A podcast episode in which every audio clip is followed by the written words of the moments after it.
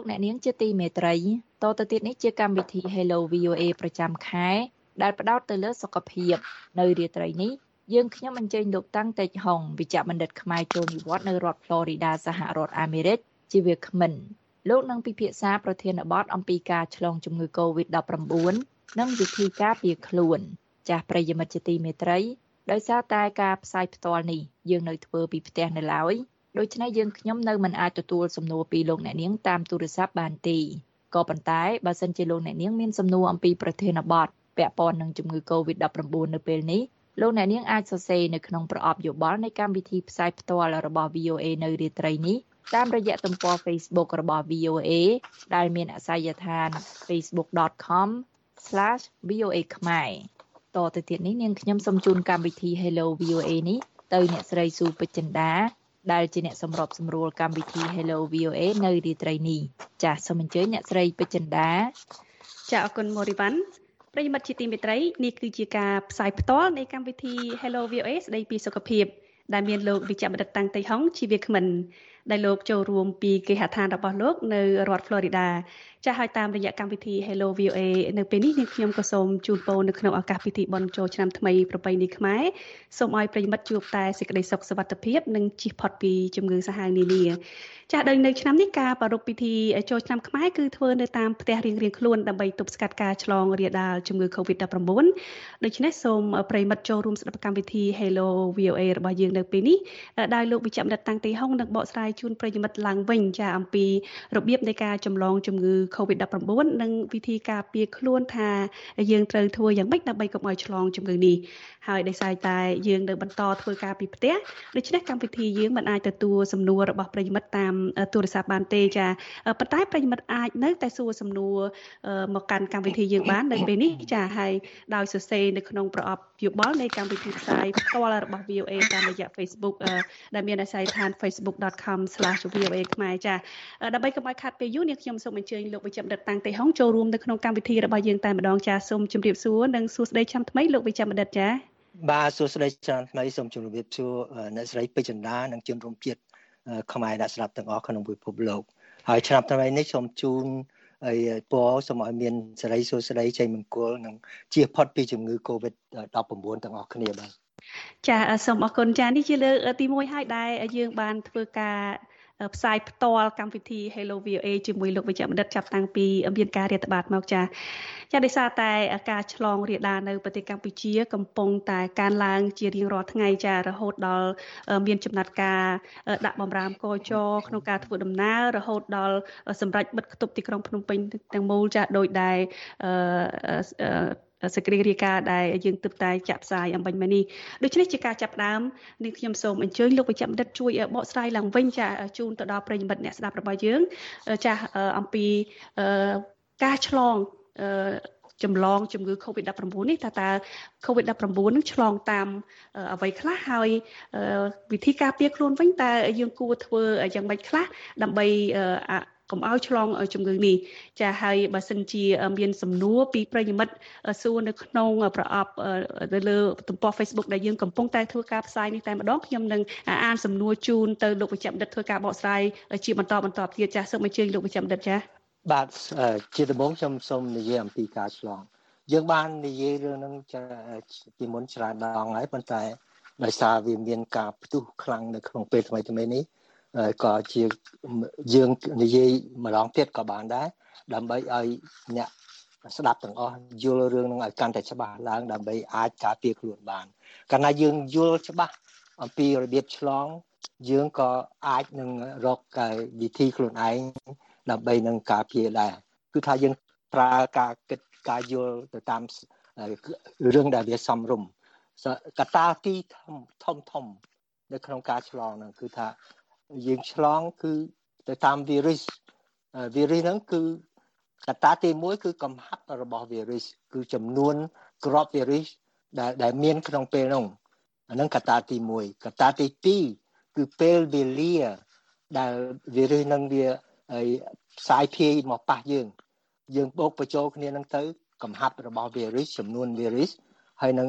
ចំនួនពេលវេលាយើងបូកបញ្ចូលនឹង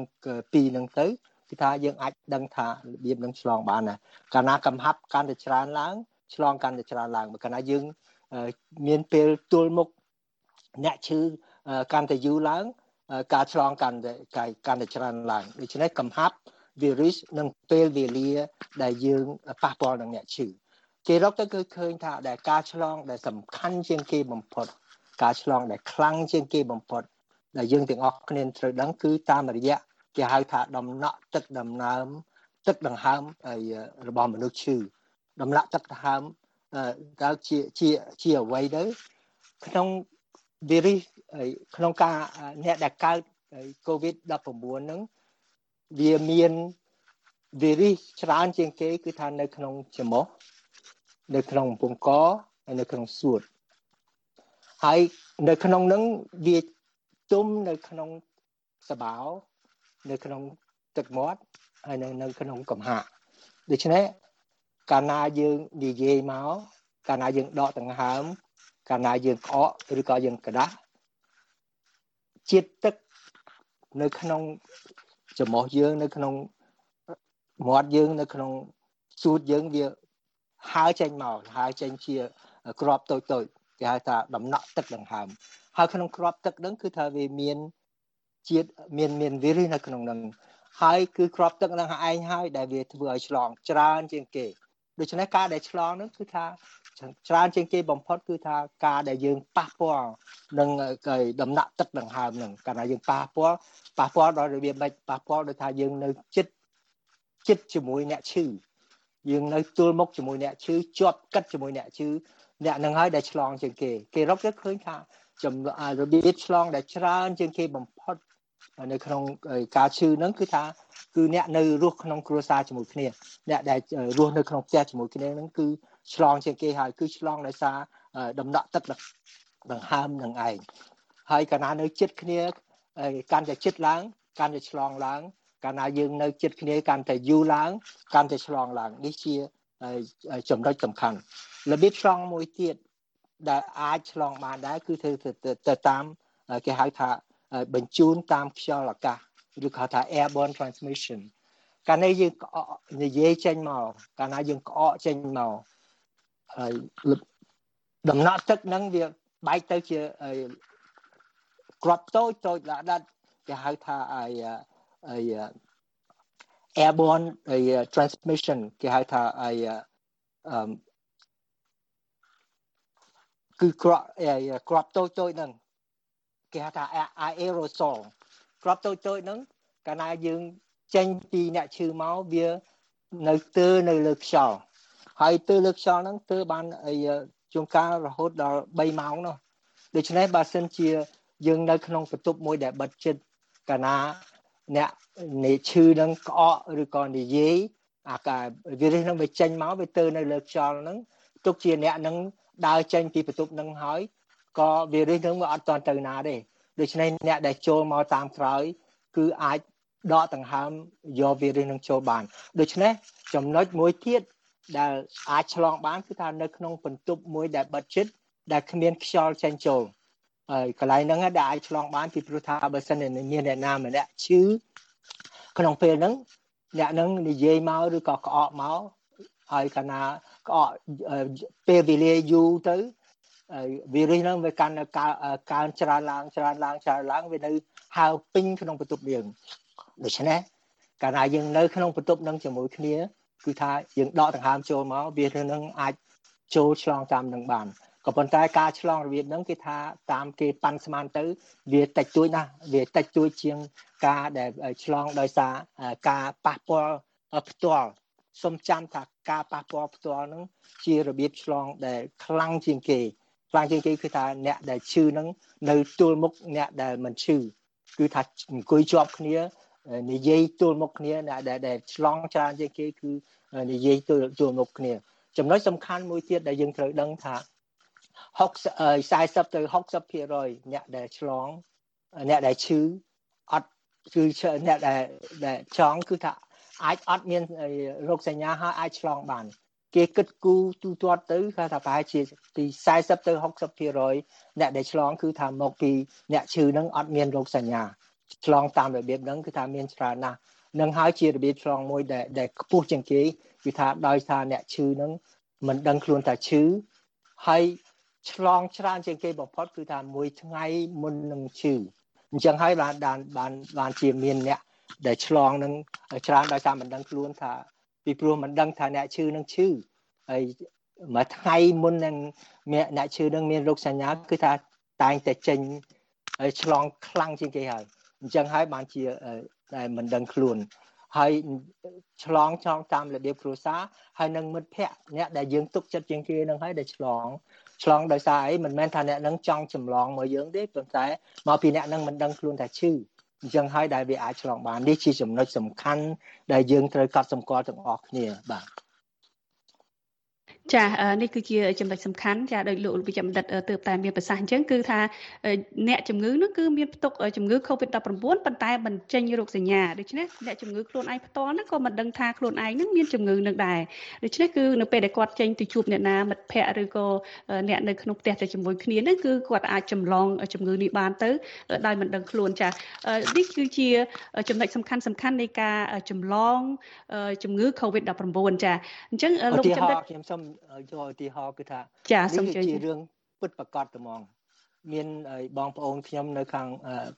Washington DC ហ្នឹងហើយគាត់មានមិត្តភ័ក្តិម្នាក់នៅជាមួយគ្នាហ្នឹងទៅហាត់ប្រាណជាមួយគ្នាប៉ុន្តែមិត្តភ័ក្តិហ្នឹងគាត់ឆ្លងប៉ុន្តែគាត់អត់ដឹងអត់ដឹងទៅគាត់នៅទៅបន្តការតាក់ទងគ្នារហូតទៅឆ្លងដូចនេះឆ្លងទៅ ហើយឆ្លងរហូតដល់គ្រួសារទៀតនឹងគឺថាដោយសាររឿងចឹងមិត្តដែលយើងទុកចិត្តនឹងហើយដែលអាចឆ្លងបានដូច្នេះនៅក្នុងជំងឺហ្នឹងគឺថាគ្មានមិត្តគ្មានបងប្អូនទេបាទអ្នកណាក៏ដូចគ្នាទាំងអស់ឲ្យទៅថានិយាយថាក្នុងមួយផ្ទះហ្នឹង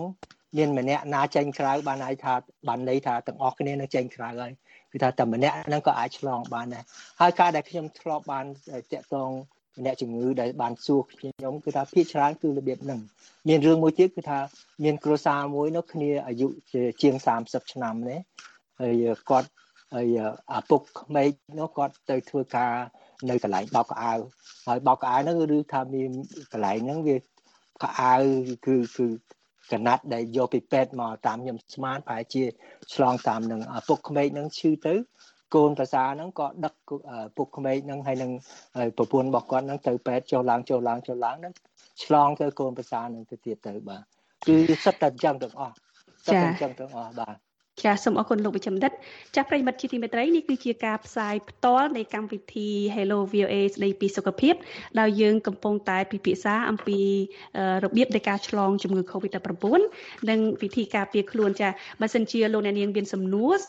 តកតងជាមួយនឹងជំងឺ Covid-19 នេះសូមសរសេរនៅក្នុងប្រអប់យោបល់នៃកម្មវិធីផ្សាយផ្ទាល់របស់ VOA ទៅពេលនេះហើយនាងខ្ញុំនឹងអានសំណួរភ្លាមៗជូនទៅលោកវិជ្ជបណ្ឌិតដើម្បីឲ្យលោកវិជ្ជបណ្ឌិតបកស្រាយតែម្ដងចា៎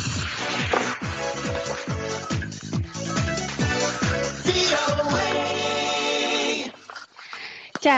ការចេញសេចក្តីសម្រេចរបស់រាជរដ្ឋាភិបាលកាលពីម្សិលមិញសម្រាប់រាំងគប់ទីក្រុងភ្នំពេញទាំងមូលហ្នឹងគឺបានធ្វើឲ្យប្រជាពលរដ្ឋហ្នឹងមានការភ័យស្លន់ស្លោហើយនាំគ្នាទៅទិញរបស់របរក៏ដូចជាម្ហូបអាហារដើម្បីស្តុកទុកចាដែលនៅតាមទីកន្លែងលក់របស់របរនីមួយៗនេះគឺពោពេញទៅដោយមនុស្សចាគឺនេះគឺធ្វើឲ្យមនុស្សនេះគឺនៅគៀក ជាមួយគ្នាកាន់តែចិត្តចាហើយលោកលោកវិជ្ជបណ្ឌិតទើបតែជម្រាបជូនមិញមិញគឺការឆ្លងដែលចំណុចឆ្លងសំខាន់មួយនោះគឺនៅពេលដែលយើងនៅចិត្តគ្នា ចាចិត្តគ្នាកាន់តែចិត្តកាន់តែយូរគឺមានន័យថាហានិភ័យនៃការឆ្លងនេះគឺកាន់តែច្រើនអញ្ចឹងសូមឲ្យលោកវិជ្ជបណ្ឌិតជួយជម្រាបជូនបន្តិចថាតើការដែលយើងទៅសម្រុកនាំគ្នាទៅទិញម្ហូបអាហារកកកុញនៅចិត្តគ្នានេះតើហានិភ័យកម្រិតនៃហានិភ័យនៃការឆ្លងហ្នឹងមានកម្រិតយ៉ាងណាដែរទៅចាកាលណាយើងវា តាមទ្រឹស្ដីគឺថាវាអាចឆ្លងបានរបៀបហ្នឹងគឺថាកាលណាដែលយើងគិតដែលដែលខ្ញុំថាចិត្តគ្នាហ្នឹងគឺថាយើងទៅគៀកកោយជាប់គ្នាហ្មងនិយាយទុកគ្នាមុខទល់មុខគ្នាហ្នឹងគេបានកំណត់កន្លែងចំនួនប្រវែងគឺថា1ម៉ែត្រកន្លះឬក៏ទៅ2ម៉ែត្រគេហៅថា6 feet ហើយអាហ្នឹងគឺប្រវែងដែលគេឲ្យនៅឆ្ងាយពីគ្នាពីព្រោះ ប្រវែងហ្នឹងគេគេគិតគូរទៅថាបើសិនជាយើងនិយាយឬក៏ជាពិសេសទៅយើងនិយាយយើងដកដង្ហើមវាឬដែលខ្ទាតចេញពីយើងទៅហ្នឹងវាមិនលើសពី2ម៉ែត្រ1ម៉ែត្រកន្លះ2ម៉ែត្រហ្នឹងទេប៉ុន្តែសប្តាហ៍នេះគេមានគេបានគិតគូររឿងហ្នឹងបាទគេគិតគូរថាកម្លាតពីគ្នាហ្នឹងតើគេអាចបញ្ចុះតិចជាង2ម៉ែត្រនឹងបានទេគេគេមានធ្វើការសិក្សាពីព្រោះថាមានកូនសិស្ស កូនសិស្សដែលទៅត្រូវទៅសាលាវិញហ្នឹងគេរកទៅឃើញថាមានកត្តាពីរដែលគេអាចអាចជួយរឿងហ្នឹងឬក៏អាចដែលយើងត្រូវដឹងកត្តាទី1គឺថាគំនិតចិត្តគ្នាហ្នឹងគឺថាបើអាចបញ្ចុះនៅ1ម៉ែត្របានហើយ3 feet បាទអាចបញ្ចុះនៅ1ម៉ែត្របានប៉ុន្តែដែលកត្តាសំខាន់មួយទៀតគឺថាបន្ទប់ដែលយើងនៅកន្លែងដែលយើងនៅហ្នឹងវាមានខ្យល់ចេញចូលបើសិនជាយើងមាន ហើយនឹងមានពាក់ម៉ាស់គឺថាមានមាន3ហ្នឹងគឺពាក់ម៉ាស់ទី1ទី2គឺថាត្រូវកម្លេចគ្នាយ៉ាងតិចបំផុត1ម៉ែត្រពីដើមគេថា2ម៉ែត្រប៉ុន្តែការសិក្សាថ្មីថា1ម៉ែត្រក៏បានដែរហើយទីទី3គឺថាកន្លែងហ្នឹងមានកន្លែងបន្ទប់នឹងមានកន្លែងខ្យល់ចេះចូលចេញចូលហើយសំខាន់ណាស់ពីព្រោះថាខ្យល់កាលណាយើងយើងត្រូវដឹងថាអញ្ចេះថាកាលណាអ្នកណាម្នាក់ឈឺអ្នកណាម្នាក់ឈឺហ្នឹងក្នុង ចំោះគាត់ក្នុងមាត់គាត់ក្នុងសួតគាត់ហ្នឹងវាមានដំណក់ទឹកហ្នឹងសិតតែវារិះហើយកាលណាគាត់ដកដង្ហើមមកវារិះចេញហើយយើងមើលអត់ឃើញទេហើយកាលណាយើងវាតិចតួចប៉ុន្តែវាចេញហើយកាលណាគាត់និយាយវាចេញច្រើនជាងនឹងទៀតហើយបើគាត់ណាគាត់លោស្រែកលោឡារឹតតែខ្លាំងទៅទៀតហើយបើគាត់ស្រែកច្រៀងហើយអាហ្នឹងរឹតតែខ្លាំងជាងគេបើគាត់ក្អក ឬក៏គាត់ក្តារអាហ្នឹងខ្លាំងជាងគេគឺថាខ្ទាតឆ្ងាយហ្មងហើយបើសិនជាយើងធម្មតាដោយសារថាអ្នកជាទូទៅមិនទៅក្អកគ្រប់កន្លែងអញ្ចឹងទេគឺអាចគ្រាន់តែដកដង្ហើមទៅទេគឺថាក្នុងឃ្លាតកម្រិតពីគ្នា1ម៉ែត្រយើងអាចយើងពាក់ម៉ាស់ហើយក្នុងក្នុងបន្ទប់ដែលមានខ្យល់ចេញចូលគឺថាយើងបើកទ្វារខ្យល់ចេញចូលទៅគឺថាអាចការពារបានដូច្នេះបើសិនជាអ្នកដែលត្រូវទៅផ្សារចាំបាច់ហ្នឹងគឺថាយើងជៀសវាមិនរួច យើងត្រូវចាំបាច់យើងយើងក៏ត្រូវទៅធ្វើរបៀបម៉េចយើងត្រូវរក្សាគម្លាតពីអ្នកឯទៀតទៀតហ្នឹងហើយយើងត្រូវកុំទៅប៉ះពាល់អ្នកឯទៀតទៀតហើយយើងកុំទៅដូចថាកាលណាយើងស្ទាបទ្វារស្ទាបអីហ្នឹងត្រូវលាងជូតដៃហើយកុំយកដៃនឹងមកត្រូវលាងដៃឲ្យស្អាតឬក៏បើគ្មានទឹកសម្រាប់លាងទេយើងត្រូវយកហើយទឹកអាល់កុលអាល់កុលជាដើមហ្នឹងយកទឹកស្រាអាល់កុល ដែលគេសម្រាប់លាងដៃហ្នឹងលាងឲ្យស្អាតមកហើយកុំមុននឹងយកដៃហ្នឹងមកប៉ះមុខមាត់របស់យើងបើសិនយើងអាចធ្វើអញ្ចឹងបានគឺថាយើងវាអាចជួយបានហើយម្យ៉ាងទៀតបើសិនជាយើងមិនចាំបាច់ទេសូមជៀសវាងកុំទៅកុំទៅបន្តថាយើងខ្វះស្បៀងមែនតើហើយយើងក៏ក៏ជាមិនរួចក៏ទៅទៅដែរបណ្ដាយើងត្រូវបញ្ជូនអ្នកណាម្នាក់ ឲ្យទៅហើយពេលដែលគាត់ត្រឡប់មកវិញហ្នឹងត្រូវគាត់លាងដៃសំខាន់បំផុតលាងដៃឲ្យស្អាតជាងគេគឺឲ្យឲ្យឲ្យបានស្អាតមែនតើកន្លែងហ្នឹងសំខាន់ជាងគេគាត់ថាលាងដៃហើយសំខាន់ណាស់ អ្នកដែលដែលចេញទៅក្រៅហ្នឹងបាទចាលោកប្រចាំដិតឥឡូវនេះយើងមានប្រិយមិត្តសួរសំណួរជាច្រើនតាមរយៈ Facebook Live របស់យើងហ្នឹងគឺគាត់សួរពាក់ព័ន្ធជាមួយនឹងថាតើការចម្លងជំងឺ Covid-19 ថាតើអាចឆ្លងចូលទៅក្នុងខ្លួនមនុស្សហ្នឹងតាម លុយតាមលុយដែលយើងចាយហ្នឹងបានកម្រិតណាដែរហើយតើវាឆ្លង នៅពេលដែលអង្គុយជុំគ្នាលេងផឹកស៊ីចាជុំជុំគ្នាហ្នឹងតើតើអាចឆ្លងកម្រិតណាដែរចាបាទអឺការដែលយើងតាមលុយហ្នឹងបើថាយើងគិតទៅតាមទ្រឹស្ដីវាអាចឆ្លងបានប៉ុន្តែការដែលគេរកឃើញមែនតើក្នុងការដែលគេធ្វើការពិសោធន៍ទៅថាអឺតិចតួចវាសឹងតែគ្មានទេបាទ វាមានបើមានក៏មានតិចតួចណាស់ហើយដូច្នេះយើងកុំបារម្ភរឿងហ្នឹងហើយយើងនាំគ្នាពីមុនយើងយើងភ័យពេកគឺថាឧទាហរណ៍ដូចជាសបុតដែលគេផ្ញើមកយើងគេគេគេថាកសែតដែលគេដាក់នៅតាមទ្វារឬក៏សបុតគេផ្ញើមកគេថាត្រូវយកទៅដាក់ហើយឲ្យវាកុំប៉ះពាល់វាបានមួយថ្ងៃពីរថ្ងៃសិនអាហ្នឹងមិនចាំបាច់ទេគេរកទៅគឺថាវាមិនចាំបាច់ទេការ ការធ្វើរបៀបហ្នឹងគឺថាវាអត់ប្រយោជន៍ទេវាអត់ជួយយើងទេហើយពីព្រោះយើងត្រូវដឹងថាបើកាលណាសបុតគេយកមកដាក់ក្នុងប្រអប់សបុតហ្នឹងវាក្តៅវាវារឹសនឹងងក់អស់ហើយហើយគេរកទៅគេឃើញថាអាវារឹសហ្នឹងវាការឆ្លងរបៀបតាមសបុតតាមតាមលុយតាមអីហ្នឹងវាមិនសូវទេដូច្នេះយើងកុំកុំបារម្ភរឿងហ្នឹងចាមិនមិនសំខាន់ទេប៉ុន្តែ ការដែលអង្គុយជុំគ្នានោះជាបញ្ហាបាទ កាលណាយើងជុំគ្នា ទីមួយគឺថាយើងគៀកគ្នា ទីពីរយើងនិយាយសើចលេងការដែលយើងនិយាយសើចលេងនឹងហើយហើយយើងនៅទល់មុខគ្នា គឺការកតាដែលឆ្លងទាំងប្រមាណប្រមូលមកក្នុងកន្លែងហ្នឹងទាំងអស់គឺគឺអាកេតយើងអង្គុយវងគៀកគ្នាយើងស៊ីផឹកទាំងអស់គ្នាយើងស្រែកច្រៀងយើងស្រែកលោឡាយើងនិយាយចំអកលក់លើយដើម្បីសើចលេងអាហ្នឹងហើយ ជាកត្តាធំបំផុតក្នុងការឆ្លងអាហ្នឹងអាហ្នឹងវាសំខាន់ជាជាងគិតភ័យរឿងឆ្លងតាមតាមលុយបាទកុំភ័យរឿងឆ្លងតាមតាមលុយបាទចាមានប្រិយមិត្តអឺទៀតសួរមានប្រិយមិត្តច្រើនទៀតសួរនៅលើ Facebook ហ្នឹងថាតើបើសិនបើបុគ្គលម្នាក់គាត់មានឆ្លងជំងឺ Covid-19 តើរយៈពេលប្រហែលថ្ងៃទើបចេញរោគសញ្ញាដើម្បីឲ្យគេដឹងទៅចាគឺថា ភាគច្រើនតែជាក្នុងរយៈពេល5ថ្ងៃទៅមួយអាទិត្យរហូតដល់14ថ្ងៃវាអាចចេញបាន បានបានមានរោគសញ្ញាប៉ុន្តែយើងត្រូវដឹងថាហើយ40ទៅ60%នៃអ្នកដែលឈឺហើយអាចអត់មានរោគសញ្ញាបានហើយអាចឆ្លងបាន នៅក្នុងនឹងហើយដូច្នេះហើយយើងពឹងលើរោគសញ្ញានឹងមិនបានទេភាគច្រើន80%គឺថាវាអត់មានអត់មានហើយជំទោះ60ទៅ 40ទៅ60%វាអត់មានរោគសញ្ញាបាទចាពាក់ព័ន្ធជាមួយនឹងវិធីការពារខ្លួននេះទៀតចាគឺដូចជាលោកចម្រិតប្រសាសន៍គឺថាយើងត្រូវលាងដៃជាមួយអាល់កុលឬក៏ជាមួយសាប៊ូអីអញ្ចឹងអឺ មានការចែកចាយព័ត៌មានតតគ្នាដូចជាការប្រើប្រាស់អកលបាញ់ដៃអីហ្នឹងគឺយកទៅបាញ់ទៅលើម្ហូបអាហារបាញ់អីដែរដើម្បីថាខ្លាចថាម្ហូបហ្នឹងឆ្លងវីរុសនៅក្នុងហ្នឹងអញ្ចឹងបាញ់ទៅដើម្បីឲ្យវាស្លាប់វីរុសហ្នឹងថាតើធ្វើអញ្ចឹងខុសឬក៏ត្រូវចា៎បាទហើយសំខាន់ជាងគេគឺទឹកហើយនិងសាប៊ូនឹងសំខាន់ជាងគេបើសិនជាឱកាសណាដែលយើងមានគឺថាយើងត្រូវលាងដៃជាមួយសាប៊ូហើយនិងទឹក ប៉ុន្តែបើកន្លែងណាដែលយើងគ្មានទេយើងអាចប្រើអាល់កុលយើងត្រូវប្រើអាល់កុលហ្នឹងគឺគេគេគេគេឲ្យយើងប្រើសម្រាប់លាងដៃទេបាទសម្រាប់ឲ្យសម្អាតដៃមិនមែនឲ្យប្រើសម្រាប់ឲ្យបាញ់លើម្ហូបទេដូច្នេះការដែលយើងបាញ់អាល់កុលចូលលើម្ហូបហ្នឹងគឺវាខុសវាខុសវាហើយទី1គឺថាយើងអត់ត្រូវការធ្វើអញ្ចឹងទេតាមការពិតការឆ្លងតាមម្ហូបតិចវាតិចតិចទួចណាស់ដូច្នេះយើងអត់មានបារម្ភរឿងហ្នឹងទេ ហើយ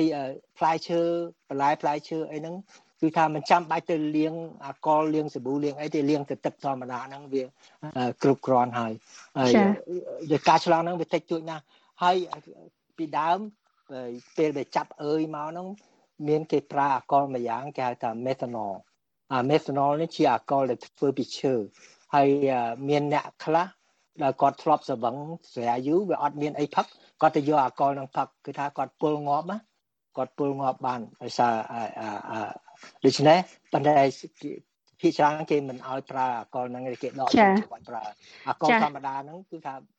យើងលាងតដៃបានណាកុំកុំបាញ់ចូលមហូបហើយយើងអត់ត្រូវការធ្វើអញ្ចឹងទេអត់ប្រយោជន៍ទេក៏កុំទៅធ្វើអញ្ចឹងបានចាសូមអរគុណលោកវិជ្ជបណ្ឌិតចាប្រិមិត្តនេះគឺជាការផ្សាយផ្ទាល់នៃកម្មវិធី Hello VOA ស្ដីពីសុខភាពដែលពិភាក្សាអំពីជំងឺ Covid-19 ចា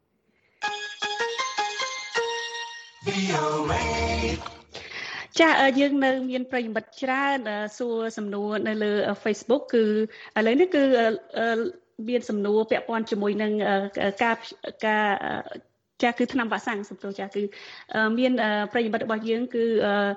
មានឈ្មោះថានៅលើទំព័រ Facebook ហ្នឹងគឺគាត់ដាក់ឈ្មោះសុយ កុកធានដែលគាត់សួរថាតើវ៉ាក់សាំងដែលចាក់នៅលើពិភពលោកសប្តាហ៍ថ្ងៃនេះ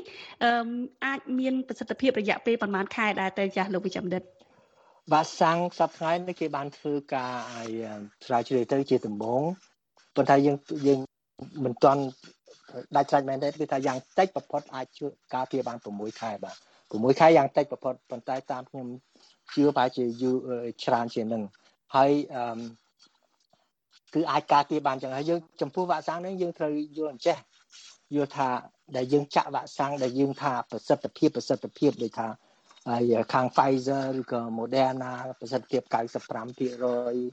ហើយខាង AstraZeneca ហើយ70%អញ្ចឹងគឺថាបានន័យថាម៉េចបានន័យថាវាអាចបង្ការមិនឲ្យឆ្លងមេរោគ95%ចំពោះ Moderna ហើយប៉ុន្តែ ទុកជា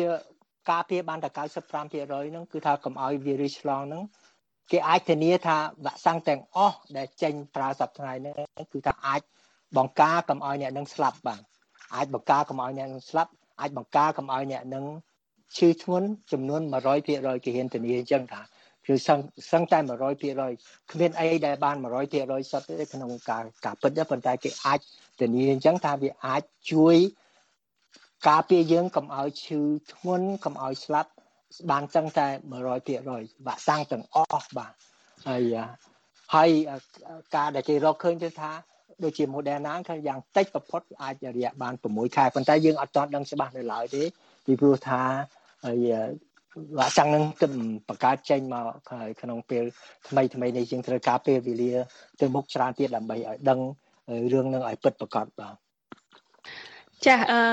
ជាក់ស្ដែងដូចជានៅក្នុងប្រទេសកម្ពុជាអឺគឺមានការចែកចាយវ៉ាក់សាំងទៅដល់ប្រជាពលរដ្ឋក៏គឺវ៉ាក់សាំង Sinopharm វ៉ាក់សាំង Sinovac ហើយនិងវ៉ាក់សាំង AstraZeneca ចាហើយក្នុងនោះផងដែរក៏មានការផ្សព្វផ្សាយពីការស្ទាក់ស្ទើរនៅក្នុងការទទួលវ៉ាក់សាំងនេះពីប្រជាពលរដ្ឋមួយចំនួនចាដូច្នេះនាងខ្ញុំសូមឲ្យលោកវិជ្ជបណ្ឌិតជួយបញ្ជាក់បន្ថែមទៀតថាតើការប្រើប្រាស់វ៉ាក់សាំងដែល ជាក់ស្ដែងដូចជានៅក្នុងប្រទេសកម្ពុជាតែម្ដងដែលកំពុងតែមាននៅលើដែលកំពុងចែកចាយសប្តាហ៍ថ្ងៃនេះតើតើបង្អាចបង្កគ្រោះថ្នាក់អីដែរឬទេទៅដល់អ្នកដែលបានចាក់វ៉ាក់សាំងនេះចា៎បាទហើយមានពាក្យមួយដែលគេនិយាយនៅសហរដ្ឋអាមេរិកហ្នឹងគេសួរថាវ៉ាក់សាំងអីល្អជាងគេចម្លើយមានតែមួយទេវ៉ាក់សាំងដែលល្អជាងគេគឺវ៉ាក់សាំងដែលយើងមានវ៉ាក់សាំងអីក៏បានដែរបាទវ៉ាក់សាំងដែលល្អជាង គេគឺវ៉ាក់សាំងដែលយើងមានដូច្នេះបានន័យថាវ៉ាក់សាំងណាមួយក៏បានដែរពីព្រោះថាដែលខ្ញុំដូចខ្ញុំនិយាយមិញអញ្ចឹងគឺថាដែលថា95% 70% 66%ហ្នឹងគឺថាវាអាចទប់កុំឲ្យឆ្លងប៉ុន្តែសឹងតែ100%វ៉ាក់សាំងទាំងអស់ហ្នឹងគឺថាអាចអាចការពារកុំឲ្យជំងឺនឹងធ្ងន់វ៉ាក់សាំងដែលយើងប្រើនៅស្រុកខ្មែរហ្នឹងគឺថាមានពួកគេហៅថា AstraZeneca វាអាចមានប្រសិទ្ធភាព70%នឹងតាមការរាយការណ៍មកហើយតាមការពិតទៅវ៉ាក់សាំងរបស់ចិនហ្នឹងបកកាយឈៀងផងបាទ Sinopharm ហ្នឹងមានអាចមានប្រសិទ្ធភាពរហូតដល់79%ហើយសូមគុំបារម្ភទុកជាមិន Sinopharm ហ្នឹងមិនទាន់មានការទទួលស្គាល់ក៏ដោយក៏តាមសេចក្តីរាយការណ៍ដែលខ្ញុំបានអានតាមព័ត៌មានហ្នឹងគឺថាគេកំពុងតែយកអីអីមកពិនិត្យឲ្យ Sinopharm ហ្នឹងហើយច្បាស់ជាគេ នឹងទទួលស្គាល់ក្នុងរយៈពេលថ្មីថ្មីនេះក្នុងទឹកទៀតទឹកហ្នឹងគេទទួលស្គាល់ហើយហើយវ៉ាក់សាំងហ្នឹងគឺថាមានប្រសិទ្ធភាព79%ខ្លាំងជាងវ៉ាក់សាំង AstraZeneca Zeneca ដែលមាន70%ហើយ Johnson Johnson តែ66%ហើយ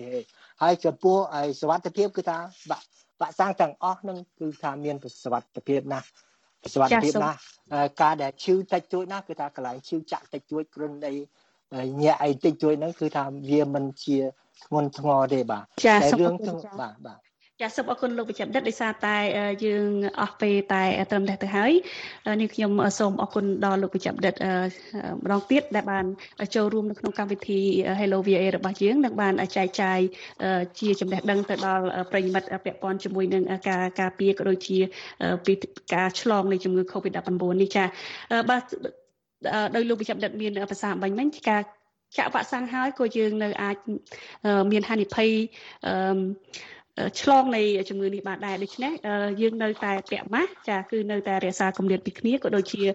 លាងដៃនឹងសាប៊ូឬក៏អាជាតិអាល់កុលនេះចានេះខ្ញុំសូមបញ្ចប់កម្មវិធី Hello VA តែតែនេះហើយយើងនឹងជួបគ្នានៅខែក្រោយទៀតចាសូមជម្រាបលាចាបាទសូមជម្រាបលា